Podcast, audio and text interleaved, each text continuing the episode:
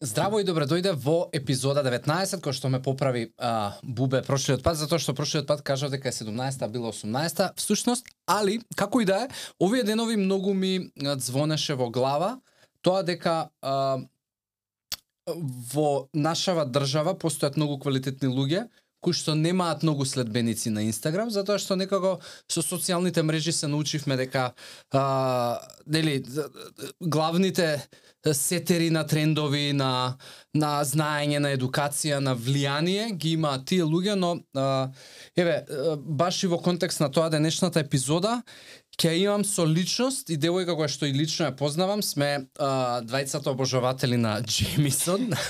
а, али тоа е помалку важно, она што денеска ќе го зборуваме се а, суплементи, таблети, антибиотици и сето она што денеска многу често го консумираме и на своја рака и а, без знаење, без можеби доволно факти, така да ќе уживате во одличен разговор. А, нормално поставете прашање, дадете некако фидбек, ваш коментар, ваше искуство кое што го имате на оваа тема и секако а, бидете бидете проактивни колку што можете повеќе.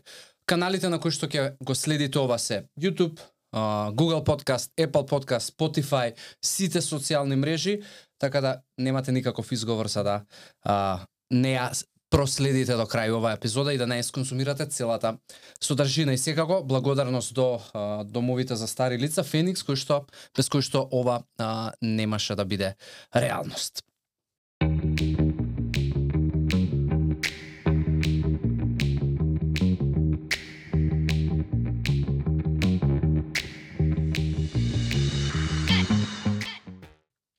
Александра, добре дојде во подкастот, знам дека по прв пат ти е, ти да. е било какво гостување да, да. пред камери, пред микрофони, али верувам дека ќе ќе се опуштиш и ќе имаме супер разговор.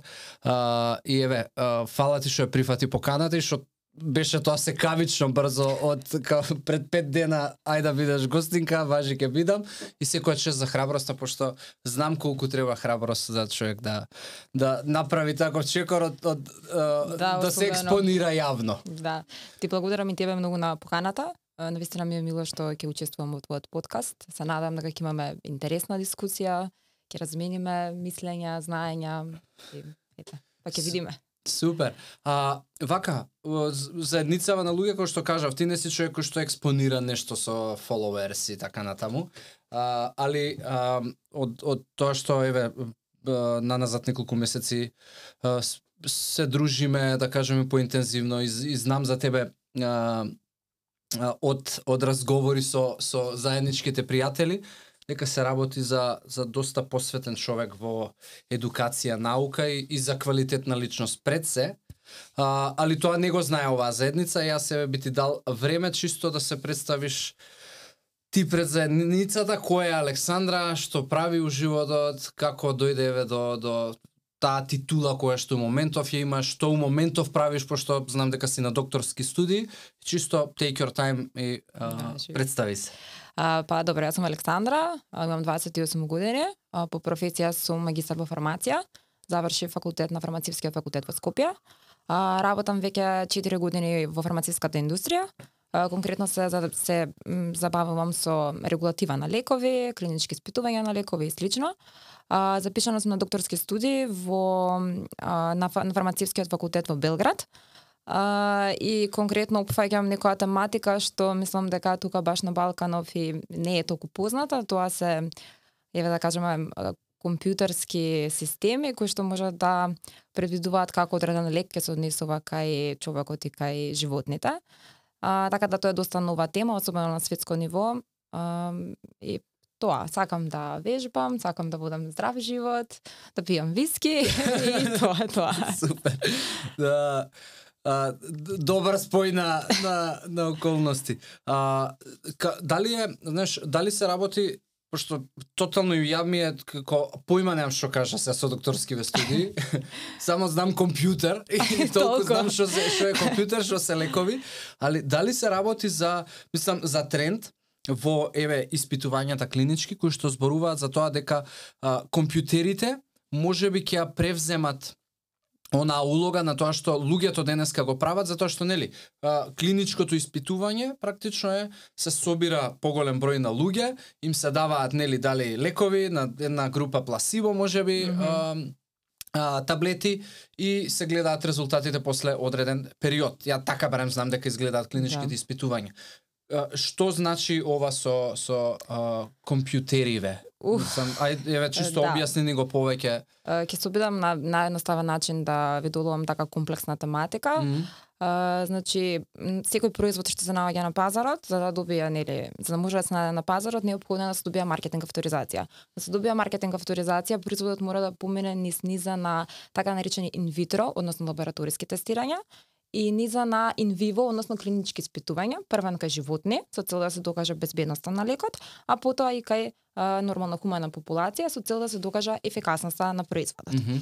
а, е сега за тоа што Всушност да замислиме дека наместо да ги правиш сите тие клинички испитувања, во кои што многу често ти не знаеш каков исход ќе добиеш од клиничката студија, не знаеш дали производот воопшто ќе покаже некаков ефект, може би лекот ќе биде премногу токсичен за луѓето, па ќе има некои а, фатални исходи. А, замисли да го даваш лекот, односно еве во наводници да го администрираш лекот во така наречен виртуелен близнак на тебе. Односно тоа е одреден компјутер, односно софтвер, компјутерски софтвер, во кој што буквално целиот човеков организам е инкорпориран со сите негови специфики во однос на анатомија, физиологија, односно во самиот софтвер ти се наоѓа целиот човеков организам. Со тоа што човековиот организам таму е опишан преку математички равенки. Uh, и uh, на таков начин уствари ти можеш да видиш како лекот ќе се однесува во човековиот организам и како лекот ќе делува во самиот организам. Не само за човек, може за животно. И поентата е всушност да го пробаш првен лекот кај во тие компјутерски системи, односно во така нареченото моделирање и симулации, да видиш каков одговор ќе добиеш и понатаму да одиш нормално во клинички испитувања. А, која за мене м, искрено фасцинантно на овие модели е што а, реално а, буквално значи а, можеш да предвидиш секој секој момент што може на вистина да се случи, што реално не можеш да го направиш тоа со а, обични тестови во лабораторија. Мислам, сте тие што веќе се разбираат од фармација, од фармацевска индустрија, точно знаат дека не постои се уште лабораториски тест во кој што ти можеш да ти предвиди како лекот ќе ти се однесува во клиничката студија. Е предноста на компјутерските модели е што точно тоа токму тоа може да ти го дадат. Не знам дали ме Па до негде Пратиш? те пратам а, и во ред да разбирам дека да место да тоа го прави да го правиш, човек, да. може да го направи компјутер, компјутер, али не ми е јасно како може компјутерот да стане виртуелен човек, односно што какви се информации податоци вие му давате на тој компјутер да, за да се нах, за да, да, за да, да биде мимика тоа што буквално, го дава, да. Пошто сепак се Да, нормално мора да се нахрани на човеков да. се ставаат да, во да. во компјутер. А, вака, значи се става се, за секој орган засебно, се става mm -hmm. негова специфична површина, односно каква е површината на тој орган, се става каков е протокот на крв до тој орган, се става каков е составот на ткивата во тој орган, има понатаму волумен на орган, така да сите оние анатомски целата анатомија на човековиот организам кој што досега е позната и постои во литература, се инкорпорирани во самиот софтвер. И дали дали ставате, не знам, човеков има моментално ваква и ваква крвна слика? Не Тоа знам, не. одредени параметри, до толку не. биохемија не, Аха. значи тие параметри не, но меѓутоа дотурот на крв, колкава количина на одредени да кажеме ензими, транспортери ги имаш, се тоа е инкорпорирано во самиот систем. Mm -hmm. Немаш крвна слика која на пример сега има замастување или покачен хемоглобин, триглицерид, mm -hmm. тоа го нема. Тука едноставно самата анатомија, големина на орган, проток на крв, перфузија на ткива, односно колкава колку лек може да помине воопшто низ него, пошто секој орган си има свои специфики. А, така да тоа е тоа, дополнително самиот софтвер за да може да го прави тоа што го прави, мораш да го нахраниш со податоци за лекот кој што сакаш да го испитуваш, за неговите физичко-химиски карактеристики, за тоа што колкава количина всушност на лек после ева да кажеме орална администрација на таблета, mm -hmm. колкава количина ти на лек всушност имаш во крв зависи од карактеристиките на самиот лек не секој лек ќе постигне висока концентрација во крвта. Така да се ставаат физичко-хемиските карактеристики на лекот и се ставаат карактеристиките на самата формулација, односно на фармацевската дозирана форма. Таблета, капсула, затоа што ти ја гледаш како финален потрошувач, нормално ја гледаш како една цела таблета. Но меѓутоа таа од која ќе се земе, односно од која ја испиеш, почнува прво да се распаѓа на поголеми честици, па потоа на помали честици, се додека целосно не се раствори во гастроинтестиналните флуиди. Мм. Од кога? Од кога ќе се раствори, тогаш веќе е достапна за абсорбција. Така да сите тие карактеристики на физичко-хемискиот на, на физичко-хемиските карактеристики на активната и на формулацијата, заедно со анатомските и физиолошките карактеристики на човековиот организам или на животното, се инкорпорираат во софтверот и софтверот може да го прави тоа што го прави. Мгм. И, и добро, што е твојата, еве да речеме, што ти конкретно во докторските студии на практично дневно ниво Добро? правиш? Во смисла, знаеш, го, го храниш компјутерот со информации? Со информации, или... да. Аха. А, не го хранам конкретно сега, бидејќи сум се уште во порана фаза на моите докторски студии, го хранам се уште со физичко-хемиски карактеристики на а, лековитата субстанца и на формулацијата.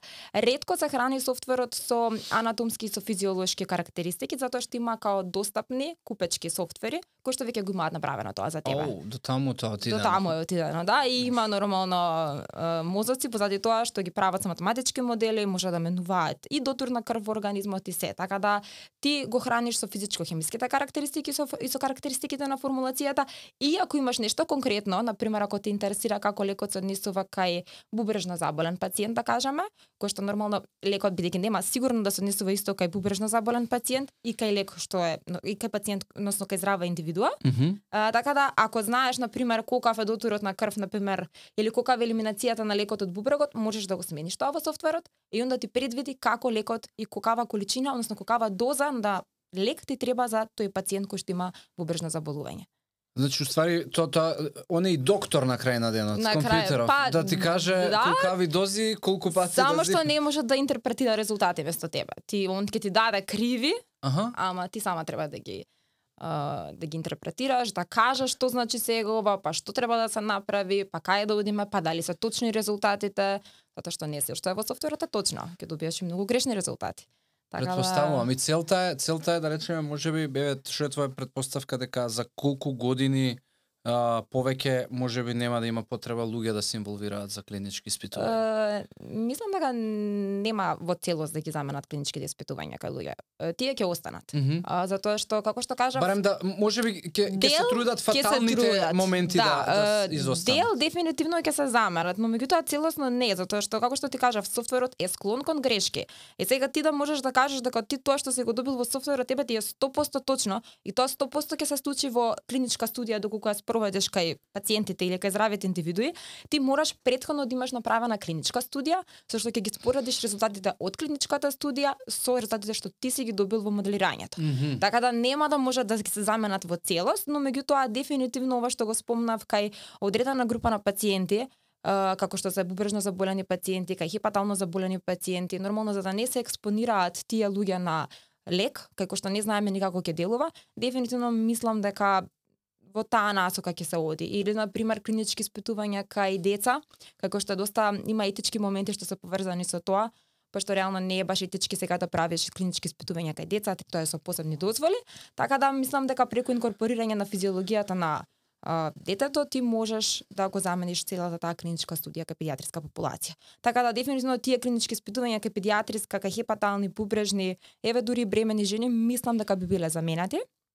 Но меѓутоа сепак ќе мора да се прават некакви клинички студии. Дали има по по напредни универзитети, институти кои што го прават исто во светов, кои што ви се инспирација на пример? Па да, има, мислам, ова се применува не само во Пошто ја на Балканов вајде е На Балканот го има единствено во фармацевски факултет во Белград. Мгм. како софтвер кој што го имаат купено, односно го земаат под лиценца и кој што, кој што се работи. Ама дефинитивно го има на други универзитети во Германија, UK, Америка и, И, така. и, и какви се типови е, мислам на суплементи претпоставувам не не Па, се испитувате. Доколку сакаш, мислам, реално ние конкретно бидејќи ние работиме во фармацевтска индустрија, конкретно го користам за целите за лекови. За суплементи не го користам толку, но меѓутоа можеш, бидејќи нормални самите лекови си самите суплементи си имаат свој физичко Дали вакцини може да се користат? може, да, дури и големи молекули, значи не се само мали молекули, можеш и големи молекули, протеини, моноклонални антитела, се можеш да предвидиш. Дем. Браво. Да, мислам не се применува само во универзитет, тоа се применува и во се поднесува како дел од документација за добивање на регистрација, така да особено Да, да, пошто тие регулативи се многу Да, особено америчката агенција за лекови, особено она многу го фаворизира оваа употреба затоа што на ваков начин ќе го скратиш и времето на развој на лек и пациентите побрзо ќе добијат лек. Така да и се смалуваат трошоците нормално. Да, да, ја еве пошто знаеш сум сум родител, о, родител, а, с, ја, мојот родител е нели со со Алцхаймер Мгм. и и на пример за Алцхаймер у моментов постојат а, различни клинички испитувања на фармацевски компании кои што предпоставуваат дека имаат решение, ама тоа е толку бавно, знаеш, и најверојатно, да, ние можеби ќе бидеме а, генерација која што нема да се соочува со Мгм. со таква болест и ќе има лек 100%, ама знаеш пошто се работи за мозок, за многу се да, уште кој што уште не, не знаеш како настанува болеста. Мислам Точно. дека тоа е клучниот фактор. Кога не знаеш како настанува болеста, тука веќе луташ. Да, Кога да, конкретно да, ќе да. имаш рецептор за кој што сакаш да И делуваш. пошто се работи за мозок и Да. тоа се по, по поише од 5 од 10 години клинички испитувања, знаеш, пошто Да. е комплицирано и веројатно овие овие софтвери и компјутери ќе успеат ќе да, можеш ги да се скратат тие тие времиња. Да, нормално и гледај и се реално баш мислам дека пред некое време излезе некој лек од FDA, ама беше енормно високо цената. Да, и, И го тоа реално не може, не може обичен граѓанин да си го допушти тоа. Кој ќе може Пред да го две-три недели се случи тоа, Да, точно така да На ваков начин ем ќе се скрати, знаеш, и развојот, и трошокот, и генериците побрзо ќе излегуваат на пазарот, така да тоа е, тоа е, мислам дека тоа е иднината, дефинитивно. Mm. Океј, ајде се Александра ме да ќе одиме на на суплементи ги спомнав и и се нешто што многу често се користи. Особено у пандемијава тоа стана хистерија со користење на суплементи, луѓе Да, претерува, а, али и предходно и после неа се уште се користат многу, многу често ради мејнстрим, ради тоа што нели Сите постојат, користат, многу често ради перење гревови, Да. ради тоа што нели ајде ќе користам за да подоцна кога се ќе изедам нешто што не треба или кога нема да вежбам да имам да немам грижа на совест. И а, често слушаме еве кога се пласираат реклами а, поврзани со суплементи се зборува за а, природен а, су, а, не знам а, суплемент ова е природно ова е од доаѓа од не знам која билка и така натаму. А, и еве чисто за да ни дадеш појасна слика што значи природно, затоа што на крај на денот се е хемија. Мгм, Да. А, и што е она што луѓето го подразбираат и го мешаат со природно, наспроти синтетички, каде е тука разликата помеѓу различни типови на суплементи и, и што е проблематично ако не е природно? Добро прашање и мислам дека стварно и пос- секогаш ќе постои оваа дилемика дали синтетските суплементи ми делуваат исто како и природните суплементи. А, мислам дека луѓето се премногу исплашени од син, од синтетски молекули, што не можам да го разберам затоа што сите ние ако не е секојдневно, повремено земаме лекови, а лековите се скоро сите се синтетски соединенија. Па еве гледам луѓето изумираат. Така да друго прашање што подразбираат они под природно. Океј, ако стануваш зборен или за суплементи кои што ги примаш преку храната, во ред, ама сега постојано се промовира тоа природен суплемент екстрахиран од не знам која Билка, овошка или овошка, да. билка, но меѓутоа никој не размислува на тоа дека всушност ти за да го екстрахираш воопшто конкретно тој витамин или конкретно тој минерал, еве не знам, значи витамин, конкретно тој витамин, ти мораш да употребиш некој реагенс за да го екстрахираш само тоа што ти треба, а не да а не да ставиш во твојот суплемент се што има во таа билка или во таа овошка.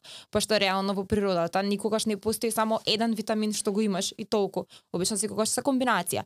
Така да Друго, мислам дека луѓето е, не се свесни дека во ред природно и ќе прочиташ 100% органско, ќе прочиташ 100% природно и одма потегнуваш Мм. по тоа, нели?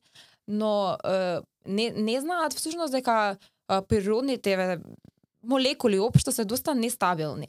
Значи, и дека всушност на пазарот всушност не ни постои некој 100% природен производ. Затоа што за да можеш воопшто да го формулираш во некоја еве да кажеме таблета или капсула или прашок, ти мораш да додадеш нешто што е од синтетско потекло за да воопшто ти стигне он во таква форма. Ме разбираш или да го маскираш вкусот, некои се премногу кисели, некои се премногу горчливи, ако се прем... ако се такви никој нема да ги пие, така да мораш да додадеш нешто на пример за подобрување на вкусот, мораш да додадеш нешто за да ја подобриш стабилноста, мораш да никогаш не можеш од природно да сам да излезеш токава концентрација која што ти ја декларираш во суплементот, да кажеме 1000 милиграми, без при тоа да додеш мала количина на синтетски витамин.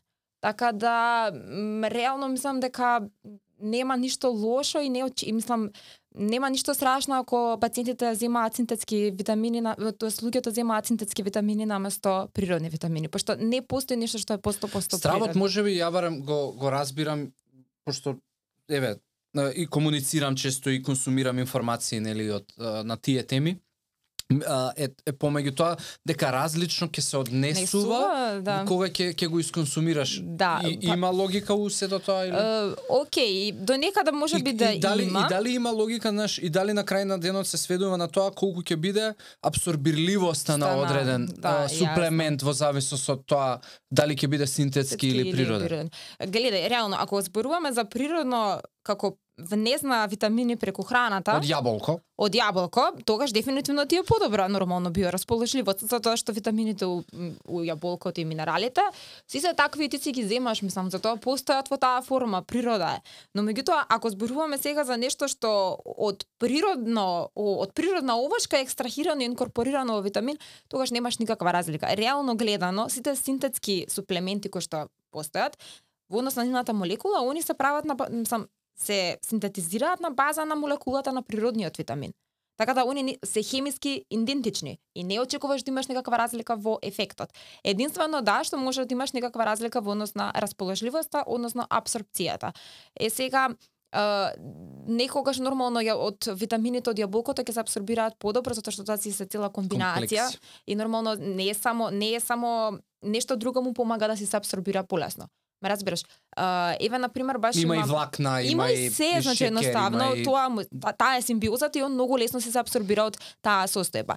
А, додека пак баш тоа мислам дека е многу актуелно за витамин С. А, м, голем број на клинички студии кажуваат нормално дека ако земеш витамин С од ацерол и ако земеш синтетски витамин С, ти немаш никаква разлика во однос на абсорпцијата. Е сега ако земеш нормално овошка ацерола, некои клинички студии покажале дека нормално поголема е биорасположливоста. И е, тоа е така затоа што не- и самите мислам самите автори на студиите не кажуваат дека е организмот го познава органско е, па се ова пошто органско побрзо ќе се абсорбира, туку е, се верува дека други химика, односно други соединенија кои што постојат во ацеролата, наречени флавоноиди, алкалоиди, ги има еден куп, помагаат за полесна абсорбција на витамин С. А, единствено што каде што прочитав дека всушност има разлика во однос на природен и синтетски витамин е во витаминот Е. А, се верува дека вита, природниот витамин Е, односно форма на алфа токоферол, а, има многу поголема не само биорасположливост, туку и подолго се задржува во организмот и има поголем афинитет за врзување за рецепторите. Така да и тоа е препораката секогаш да се конзумира нели природен витамин Е наместо синтетски. Ама друга нека разлика вака мислам дека не постои. Нормално, е, секогаш е подобро да се конзумираш суплементи во форма на нормална адекватна исхрана и нормално е Самиот збор додаток во исхрана, значи, има тоа е исхрана нешто, во прво. значи ти можеш да имаш адекватна исхрана, па после да си додаваш нешто ако сакаш. Па дури дури знаеш и, и во контекст на овој разговор еве само потсети дека значи кога ти ќе ќе разговараш со било кој еве а, не знам ко, кога ти се кога ти се препорачуваат одредени Мгм. суплементи во исхраната од страна на лекар или така Да. натаму, секогаш се зборува за тоа да се консумираат Мира. после јадење. Јадење. Ради нели Целото што, тоа што си е, сам симбиоза си ќе ќе влезе ќе влезе дигестивен систем. и а, ќе би се абсорбира нормално, да. Така да, е, А, а што се што се случува со дозите? Знаеш, затоа што срќаваме а, суплементи кои што не знам се еве витамин С конкретно да, има од тоа 500 ми е. 1000 и така натаму Да, или да, да. витамин Д од Да. 5000 единици, 2000, 3000, 4000, а, како човек треба тоа да го А, колку што е Затоа што често се зима на своја рака. Рак. Да, не, луѓето многу веруваат. Добро, 100% природно, м, 1000 милиграми витамин С со продолжено слободување. Wow, this sounds good. I must have it. значи, реално треба да се земат што е можно помали дози. Ер, кон- сам познато е за витамин С дека доза поголема од 500 милиграми не се абсорбира. Ти да земаш доза од 1000 милиграми, било со продолжено слободување, било со што организмот ќе ти абсорбира само до 500 милиграми, другото ќе го исфрли. А добро, тоа постои продолжено Па да, постои како продолжено ослободување постепено, ама реално многу е да станува збор за лек, ти точно ќе знаеш во за еден сат колку ти се ослободува, за два сати колку ти се ослободува. Суплементите се регулираат преку нели директивата за храна. Така да тоа што е декларирано, ти е тоа што произведувачот сака да го декларира. И никогаш Мм. не можеш да бидеш, знаеш, као 100% сигурен што имаш ти вистински, односно дека се, нели, 100% природни и дека колку ти е со продолжено ослободување. Така да, тоа се малце... Си подлегнуваме на на на На- наслови е, драматични Сто- често. Не дека да, мислам дека најмали дози што може да се примаат да се сосама доволно 500 мг витамин С, за нормално зависи за која потреба ти е витамин Д, ама што е можно помали дози нормално. Тоа е подобро. Пошто и енормни дози не чинат. Се што е премногу. Е, Што се случува кога претерува човек со големи дози на Па на... може да настане хипервитаминоза. Значи, ама никој не, го- не, не ја гледа таа страна, ќе конзумираш премногу витамини, ќе направиш хипервитаминоза. Тоа е особено голем ризик овие што се полипофилни витамини кои што стануваат подолго во човековиот организам. Кои се тие? витамин А, витамин Е и витамин Д. Така да за витамин С не е ни толку проблем, тој брзо ќе се елиминира, но меѓутоа за витамин Е и витамин Д што се липофилни, и така како е проблем ако настане некоја хипервитаминоза. Така да секогаш треба нели не да посегнеш по тоа што е најголема доза или дека ти звучи нешто примамливо, подобро да конзумираш се преку храна, а после ако мислиш дека нешто ти фали, подобро прочитај во која храна ти фали, го има тој витамин што ти мислиш дека ти фали или минерал и така да си го конзумираш. А, а ш, еве се го спомна витамин Д и е многу често а, земан Да. и ја од време на време го користам. Да, да, короната беше брутално. Што што значи ако претера човек со витамин Д? Па мислам дека може да настанат и проблеми одредени во бубрезите, значи сега конкретно не знам точно. Да, не си Но меѓутоа да, пошто не се не сме толку навлезена во суплементите и во несакани ефекти на суплементите, но меѓутоа не е баш нај знаеш како можеш и бубрежни заболувања да настанат, така да си има своји недостатоци. М, Океј. А у- што се однесува до форми, ги гледаме денеска суплементите у различни форми, прашок, пијалок, Да. таблета. Постои ли м, па дури имаше, знаеш, а, магнезиум да се мачкаш, знаеш, има а, бањи, нели а, спортистите често Аха, а, да. одат во во а, бања од магнезиум, Магнезиум. и лежат и Да. знаеш, дали а, постои ли најдобра форма на на консумирање и што е разликата ако е а, од прашок во пијалок во М, таблета у, да се бањам да се е, има голема разлика. Мислам, сега реално за суплементите, еве ќе почнам од лекови, пошто тоа ми е нормално Океј. okay. специјалноста. А, конкретно, првен зависи од потребата, од причината поради која што постигнуваш, еве да кажеме, по суплементот или по лекот. А ако ти е поинтата да покажеш дека и суплементите немаш така да ти треба итно дејство, но меѓутоа ако ти е потребно итно дејство, например за некоја состојба, нормално дека прво ќе пробаш да го вбризеш интравенски лекот Океј. нормално. Е сега во однос на најголемиот дел на препарати, всушност на суплементи се во орална фарма, само за орална администрација. А, тоа се таблети, капсули, прашоци, раствори, сирупчиња, не знам ништо имаат. А, тоа зависи пред се и од преферабилноста на пациентот. Например, сега може некој не сака доку да гота таблети, повеќе сака да се задржи кон прашоците или кон нешто што се растопува во уста или кон таблети за џвакање, така да тоа зависи од изборот на пациентот. А, но меѓутоа и не секој а, формулација може, односно не секој лек може да биде формулиран да кажеме во прашок или во раствор. Он мора да ги поседува тие карактеристики за да може всушност како таков да да се направи. Дополнително, на пример, сега ако овие се многу модерни нели производите со продолжено ослободување, а, мислам, поентата да правиш на некоја препарат со продолжено ослободување ти е ако многу брзо ти се елиминира од телото, па да треба постојано да го администрираш, на пример на 2 сати, на 3 сати, Поентата не е значи да го администрираш цело време ти да пиеш апчиња, туку направи една таблета каде што тебе формулацијата постепено на 2 сати самата така ќе ти ослободува определена количина на витамин.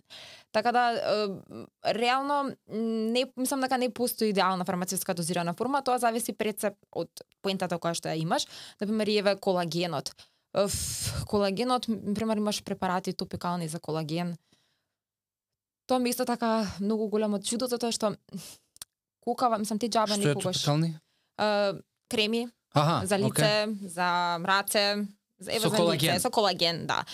Колагенот е толку голема молекула, односно е макромолекула што како таква ти која ќе нанесеш на кожата, она нема да се абсорбира, само ќе се задржа на, на кожата. Така да подобро е да го пиеш во форма на ева орален раствор, да кажеме на основа раствор сирупче, каде што он ти е нели нормално хидролизиран на помали молекули, каде што ќе се абсорбираат и понатаму ќе ти го покажа действото кое што ти го имаш. Дури и за ако ти е нели за брчки, е конкретно да кажем. М. Така да дефинитивно не постои идеална фармацевтска дозирана форма. А, се ти зависи од намената која што ти е и а, од преферабилноста на човекот. Зависи што сакаш да пиеш. Ама понекогаш да, дури за мене абсурдно се прават некои реклами како ова сега со колаген, со хилуронска киселина, одличен препарат.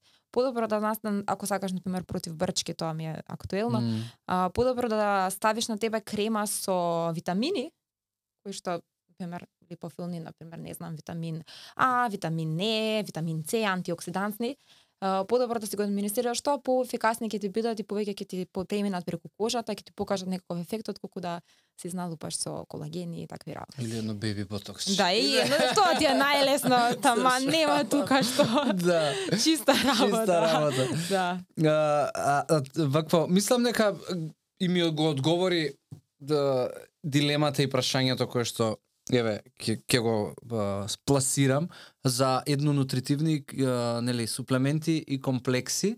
Мгм. А, ама добро, веројатно постои а, постои а, а, по- подобро е можеби некогаш да се користат еднонутритивни, да. подобро е некогаш да се користат комплекси. Да, Каде е да. тука границата, разликата Е, и, и кога е тоа подобро?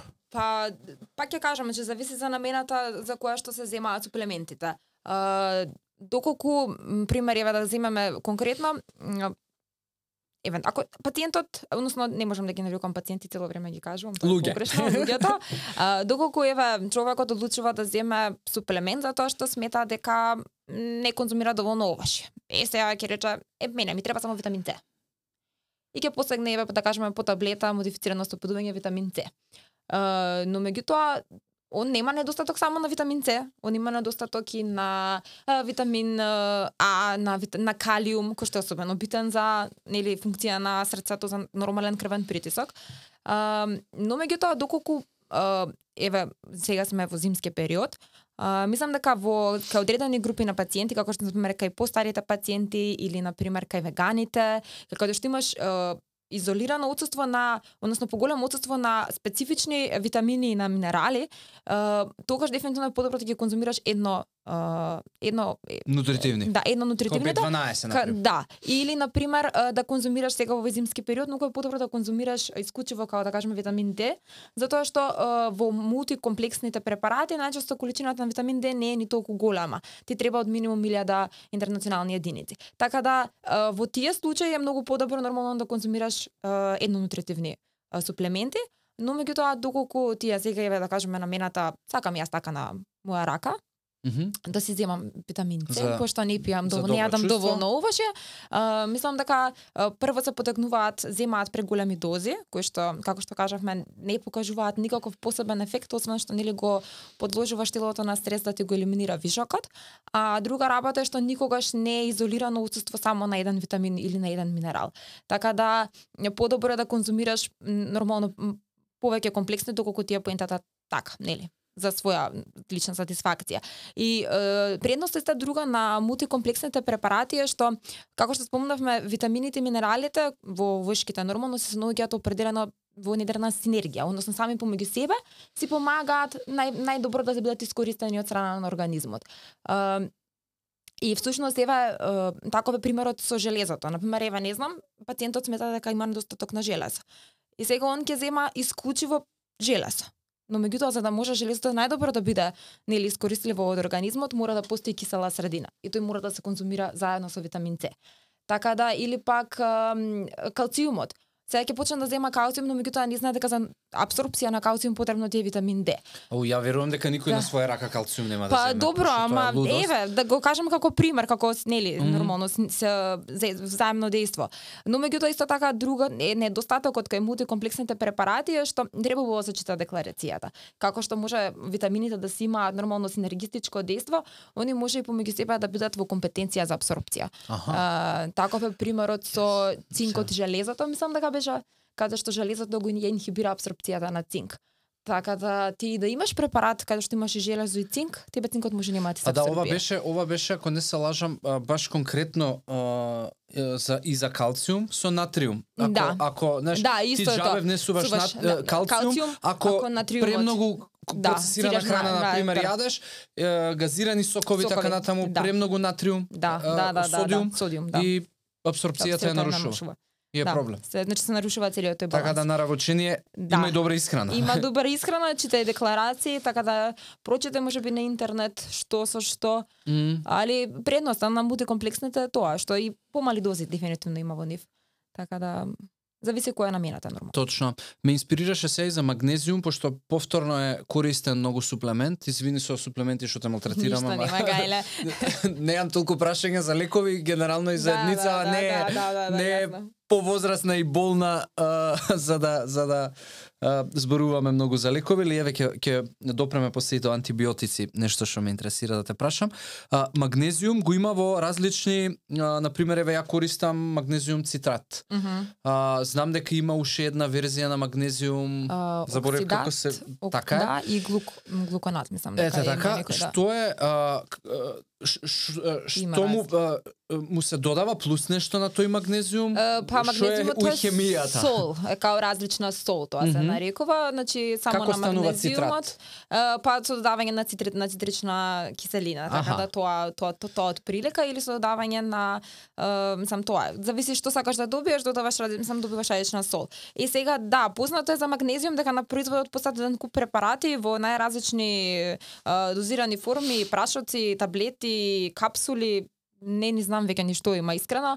А, и да, има разлика, мислам дека тоа е добро познато е што цитратот како таков најдобро се абсорбира, но меѓутоа од друга страна па предизвикува и највеќе да кажеме еве најголема можност за нели диареја, па ако има нели прекомерна конзумација, зашто мислам дека за оксидатот го нема тоа, но меѓутоа пак од друга страна оксидатот полошо се абсорбира. Аха. И обично него го имаме во форма на таблети, а, а овие сте цитратниве ги имаме во форма на прашоци. Така да, нормално не може сега и секој ден да се конзумира магнезиум во за подолг временски период, ама да, подобро е нели нормално во форма на цитрат. Супер. А, ти консумираш некакви Па суплементи? да, па сам се зема магнезиум вака после вежбање некогаш. Аха. А, и Цитрат омега 3, или? цитрат, да. Аха. И омега 3. Омега 3. И Да. ја користам омега Да. 3. Мислам Прилично- дека треба да се конзумира омега 3. Редовно. И витамин Д вака нормално во зима. А, не а, би препорачала како човек би знаел дека има сиромашна исхрана и кои суплементи да ги зема? Па мислам дека не можеш во целост да знаеш кои суплементи треба да ги земаш, дури и кога мислиш дека имаш нормално соодветна адекватна исхрана, некогаш ќе ти фали некој витамин. И дали, знаеш, и дали еве ако направам крвна слика во која што ќе ги испитам, Мгм. нели, а, минералите, витамините у Да. крв, дали тоа ќе биде Па нешто ти е подобро. а, мислам дали е колку е акюрет, како е зборот на македонски, го да, заборив. да, тоа ти е многу по, мислам, многу поточно може да не, ти дали може утре да биде поразлично? Као, Па да, тоа сега гледаш, многу е индивидуално, но меѓутоа ако имаш огро, да кажеме ако за мали разлики, на пример сега ако малце ти фали ноќ не може да некој, се направи значи не може. разлика. Ако имаш многу мала разлика, тогаш окей, но меѓутоа ако имаш голема разлика, на пример каде што ти е многу далеку ти е да кажеме од долната граница твојата референтна вредност, е, мислам дека може да се види за големи разлики. Нормално тоа се вариабилни резултати, но ако видиш дека имаш огромно отсуство на некој витамин, тогаш дефинитивно ќе го видиш тоа преку крвната слика и многу е подобро нели знаеш да знаеш конкретно точно што ти фали. Отколку вака само да отколку мислам, пошто не ни знаеш реално да адекватна исхрана, но меѓутоа секогаш нешто не конзумираш подеднакво. Така да мислам дека луѓето се уште немаат, ја немаат таа навика дека во секој оброк нели треба да имаш и јаглехидрати, протеини, масти и сите витамини и минерали, мислам тоа со причина е така. А, така да да, то то то тоа Јасно. Ај да си допреме сега до антибиотици. А, Хајде. пошто е- исто е многу а, мислам актуелна тема. и Пандемијата па ја ја многу ја актуализираше, пошто многу луѓе користеа антибиотици исто како суплементи. А, а и антибиотици се антибиотиците се нешто што па, го да не речам го спаси можеби човештвото а, го продолжи животниот век, а, но у овие а, времење во кој што живееме доаѓа до а, момент кај што веќе станува и проблем. А, и еве посто, постојат многу нели научни студии, институти кои што зборуваат за тоа дека а, полека антибиотиците нема да го даваат ефектот за кој што се создадени. И зошто е тоа така? Пред се ајде што која е улогата на антибиотиците? Мгм. И зошто се случува да денеска се алармира за тоа дека мора да се создаде нова генерација на лекови на антибиотици, дека овие што сега ги ги познава човештвото, Нема а, бидат веќе нема да да бидат ефикасни. Е, па добро, значи да, мислам дека најголемото откритие стварно на човештвото се антибиотиците. Е, и главниот проблем е резистенцијата која што постои. Uh, односно ние како луѓе веќе стануваме резистентни на скоро сите досега достапни антибиотици. Uh, пре би ги на, првен би ги набројала нормално пеницелините, каде што мислам дека скоро во секој домаќинство има некој што е резистентен на пеницелин. Односно пеницелинските антибиотици веќе не се ефикасни. А, недостатокот е тука што а, зошто од каде потекнува оваа резистентност, значи потекнува пред се од прекомерното конзумирање на антибиотици без конкретна причина за конзумација на нив. Тоа е исто како на пример со преголеми суплемент, преголеми дози на суплемент кога ќе внесуваш. Така да, знаеш, луѓето се научени сега малце кашлам, малце ме боли грло, ај ќе се напијам моксиклав, мислам, ќе се напијам антибиотик, ќе ми помине. Не ни оди воопшто на доктор. Ме заваќаш, не не не сме свесни дека антибиотиците се ефикасни, да, но меѓутоа имаат и многу несакани дејства. И дека треба да се користат и дека се ефикасни исклучиво за третман на бактериски инфекции. Мислам, таму им е нормално и името, антибиотици. Да. Дека воопшто не се ефикасни за третман на вирусни инфекции. Така да, тоа што тебе те боли грлото или ти тече носот, не значи дека ти имаш бактерија. Тоа ти е може најобичен вирус кој што ќе ти помена за 3-4 дена, ако пиеш доволно течности, ако еве нели си земаш суплементи, си го појачаш имунолошкиот систем и немаш потреба да да земаш антибиотици. Дополнително, само со самото тоа што ти земаш антибиотик за најмала настенка, ти дополнително го обтоваруваш организмот. Мислам, тоа се јаки апчиња кои што подлежат нормално и на метаболизам преку црниот дроб, се елиминираат така да го дополнително место организмот да се спрема да се да се спаси од настинката, него го обтоваруваш со примање на непотребни лекови. А, така да тоа е првата работа што прекомерно се конзумираат за диагнози за кои што не се наменати. А втора работа е што не мислам дека и самите нели животни ги постојано ги хранат со антибиотици и ние, ние конзуми постојано преку нели конзумација на храната и постојано сме изложени на антибиотиците кои што и животните ги примаат. И на таков начин постојано се прави нормално резистентно затоа што бактериите си се првите Паметни. првите организми, мислам, од таму потекнува е, животот. И они сакаат да и живеат. они сакаат да живеат, и они се доста паметни и си направиле своји механизми како да се заштитат од механизмот на кој што делуваат антибиотиците.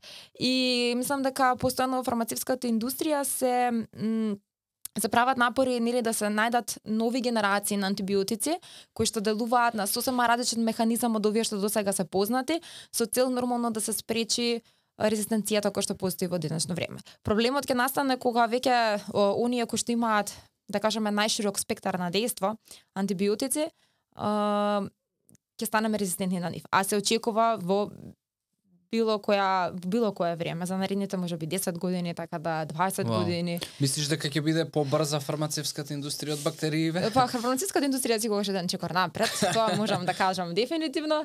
Па се надевам, се надевам. Не сакам да замислам, сам не сакам да се соочам дека ете стеки умре од бактерии. не, Боже, не би требало. Пошто ни занадија и со вакцините, така да се надевам дека има нешто позадина. Да, да, сигурно. А, само може би знаеш и на крај на денот треба да не треба да биде и прескапо нешто, пошто што ако Па тоа секако ќе биде прескапо на почетокот. Оригинаторските компании имаат заштита, нели, да Аха. си продаваат само они во наредните 10-20 години цената секако ќе биде висока и тоа е исто така многу жално. Но меѓутоа тоа е. тоа е тоа е како правило е, да. правило. Да. Која компанија ќе измисли може би нова генерација на тоа е антибиотик? никој не сме општо да за било кој анти, за било кој лек на општо е на пазарот, кога оние имаат ексклузивноста. Прв си на пазар имаш нели, можно сега има да 10 години никој друг да не регистрира ниту пак да продава воопшто. И Да. Безобразно. Епа мора парите што си ги вложил да ти се вратат некако. Па, Тоа за жал тоа е така. Да. Да, не го знаев ова. А, како изгледа твој работен ден?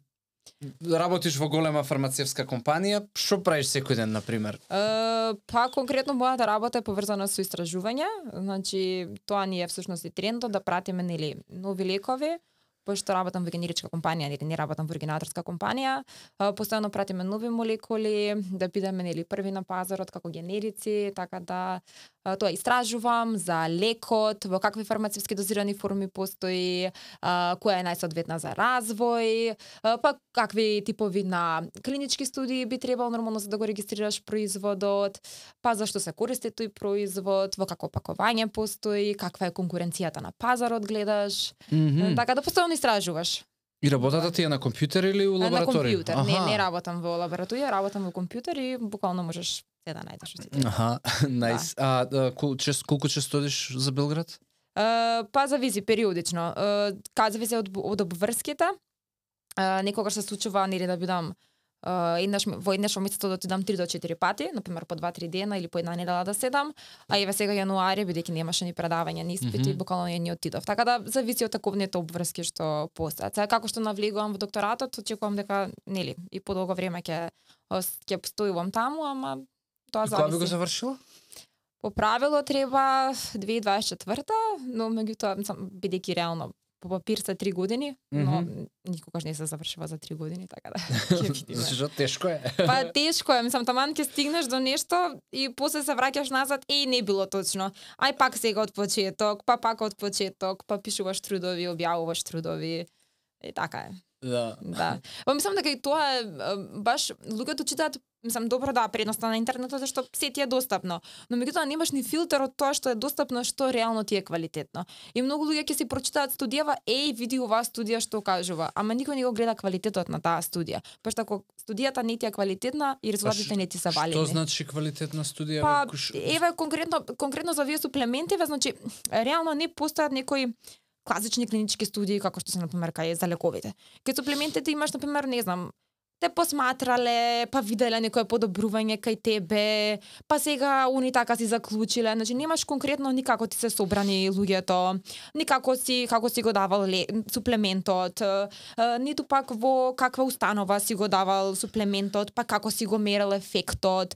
Така да многу работи многу работи може да ти укаже на тоа дека не е квалитетна студија. Ти се на пример ќе гледаш, не знам, па он се осеќаше подобро. И тоа ти е мерка дека Го прашав, добар, добар беше. беше. Да. И што ти значи тоа? Тоа е туку индивидуално и релативно. Така да мислам дека и тука настануваат и целите заблуни, дека многу има да доста податоци, но меѓутоа и нема и филтер на тие податоци.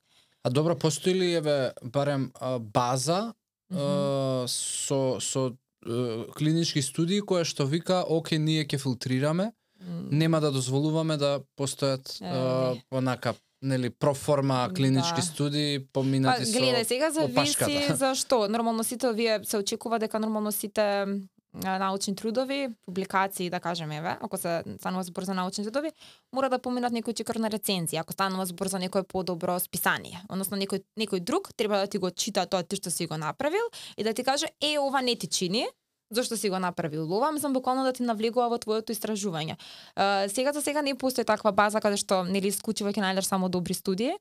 Мораш филтерот ти пак сам да го направиш, да отвораш студија по студија. Ама имаш, на пример, сајт каде што можеш да ги најдеш сите клинички студии или се што те интересира, као PubMed. PubMed, па да, поврзано тоа ми беше изборот, пошто Да. да речеме таму знам да да погледнам. Да, да, таму е се е поврзано или со Ама таму со има биомедицина, со медицина се, буквално се, дури имаше некој во можеби нешто конференција, нешто што излегло, никој тоа нити го ни тоа нити го ни рецензира или некој блог може да најдеш некогаш. Да. Така да Али добро, знаеш што, по друга страна, еве, ја, ја научив дека кога по, порано, сега толку не не пребарувам по PubMed, ама порано кога пребарував, обично гледав да да доаѓам до метаанализи, затоа што Да, тие се метаанализите се многу квалитетни, да, тоа се тука, сериозни студии, тука да. обично нема нема Тука грешка. нема утка. Да, затоа викам, значи првен се рандомизирани клинички студии, па метаанализи, па има кохорт студии, па обсервациони студии, како што се оди на целата призма, Мм. квалитетот нормално на студијата опаѓа. Така да да, метаанализите и е, рандомизираните клинички студии ти се нај да кажеме највисоко ниво на квалитет, еве да кажеш дека во ред е студијата, квалитетна е студијата. Да, мислам и општо, пошто метаанализите собираат, знаеш, од повеќе податоци, па имаат селекција на они селектираат кои трудови ќе ги вклучат од својата метаанализа. Така да, да. Тоа е тоа. Кул. Што ќе ти биде титулата која ќе докторираш? Доктор по што? Доктор по фармацевски науки. Ама добра, ова со компјутерите нема па да тоа фигурира некако. Не, а? не, само сам так биде титулата доктор по фармацевски науки, па после може, сам во насловот само ќе стои што е. Ама таа е титулата доктор по Добро. фармацевски науки. Кул. Александра, а, фала ти летна пат колку? Скоро уште малку саат. Добро. Аха, Да. стварно, не Па да. седи. значи, о, не беше страшно. Не беше, Не за прв пат не беше. Супер, да, и, и баш беше, мислам, стварно ко да не ти е прв пат. А, фала ти што прифати поканата. Ја верувам дека а, као доктор може би после пак ќе ќе зборуваме за и по 2-3 години сигурно ќе има многу нови работи, Нови еве да. што да се зборува. А, и и се надевам дека ќе ќе ќе твоето име ќе фигурира у, у македонска фармацевска сцена како човек кој што ете ќе ќе советува и и дали ти лично а, конкретно можеби а, с- пишуваш или зборуваш, коментираш на овие теми или не се па, експонираш? не, не се експонирам. Не си размислувала некојаш да Па не знам, искрено моментално имам премногу обврски пошто паралелно работам и докторатот го работам, така да И немам вежбам, и не- се дружам, и- Вежбам, се дружам, да. И немам баш време кога, сега кога ќе кога завршам докторатот, нормално може би да. Знаеш и никогаш зашто? не сум се осетила, знаеш, како доволно а, спремна да го направам тоа. Па ти си не знам, Ама, а, не знам кој би бил поспремен, ако не А, си ти ти доволно благодарам, спремна, да. ама не, знаеш, пошто а, зошто ова го зборувам, пошто конфузијата во во етерот се создава од луѓе кои што а, Да. немаат познавање. Да, и го Знаеш, немаат. конкретно да. еве ти земи ги со вакцините што се деси. Што беше хаварија тотална со коментари со луѓе, експерти станување Ти да преку нот. Готово. Да, и така натаму. И, Овие и, знаеш, и треба луѓе кои што, знаеш, еве ко, конкретно некој ќе ќе го објасни на со добра терминологија, со точно знае што се случува и со сигурност. А, потребни се овакви луѓе како тебе у етерот за да знаеш ги Да. ги затишуваат Која ќе, да, целата бука која бука. што има. Па да, еве може Еве, да. те молам размислувај. Во наредна, да, за тоа. иднина може дефинитивно фала ти. Супер. Фала уште еднаш за Ти поканата. благодарам и тебе на поканата. И да, ќе се дружиме ние на страна интересно, од да. Wellcast. Готово. Jameson Cast. Да, може. Супер. Фала. Фала ти.